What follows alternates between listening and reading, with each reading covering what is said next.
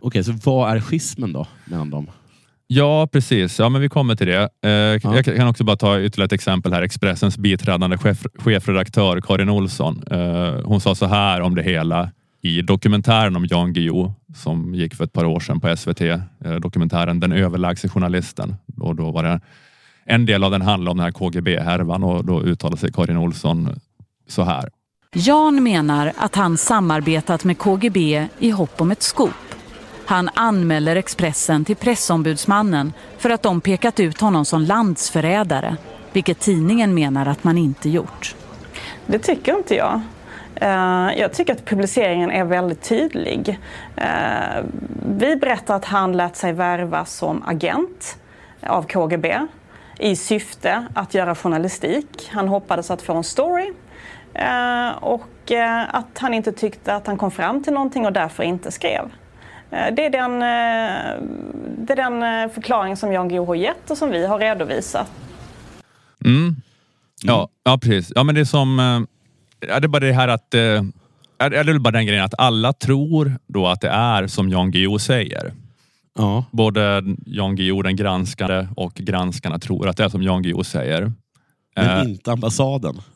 inte ambassaden och inte de flesta andra heller. Alltså, Nej. eller för att, eller jag menar, ja, men för att hela kraften i avslöjandet låg ju i att insinuera något, något annat och sätta en bild av något annat. Nämligen att Jan Guillou är rysk spion. Alltså, jag menar, eller, kraften i storyn är att Expressen har fått folk att tro något som de själva inte tror. Det här var ett litet smakprov för att få tillgång till detta avsnitt och eh, samtliga avsnitt bakom väggen. Eh, gå in på underproduktion.se och logga in och skaffa en prenumeration. Det kostar endast 29 kronor i månaden och då kan du höra alla fem avsnitt som släpps varje månad och inte bara de två som släpps här i gratisfiden. Och Eh, nu med nya sajten nyaunderproduktion.se är det väldigt enkelt. Dels att skaffa prenumerationer, men framför allt att lägga in prenumerantfiden i din favoritapp. Eh, det är inte det där krånglet det var tidigare med att klistra in eh, URL och skriva in användarnamn och lösenord, utan det är bara att trycka på en knapp.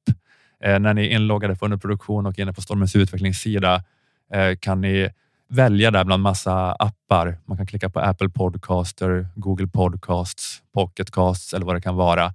Ni kan från en lång lista där välja en favoritapp och så öppnas poddflödet automatiskt i den appen.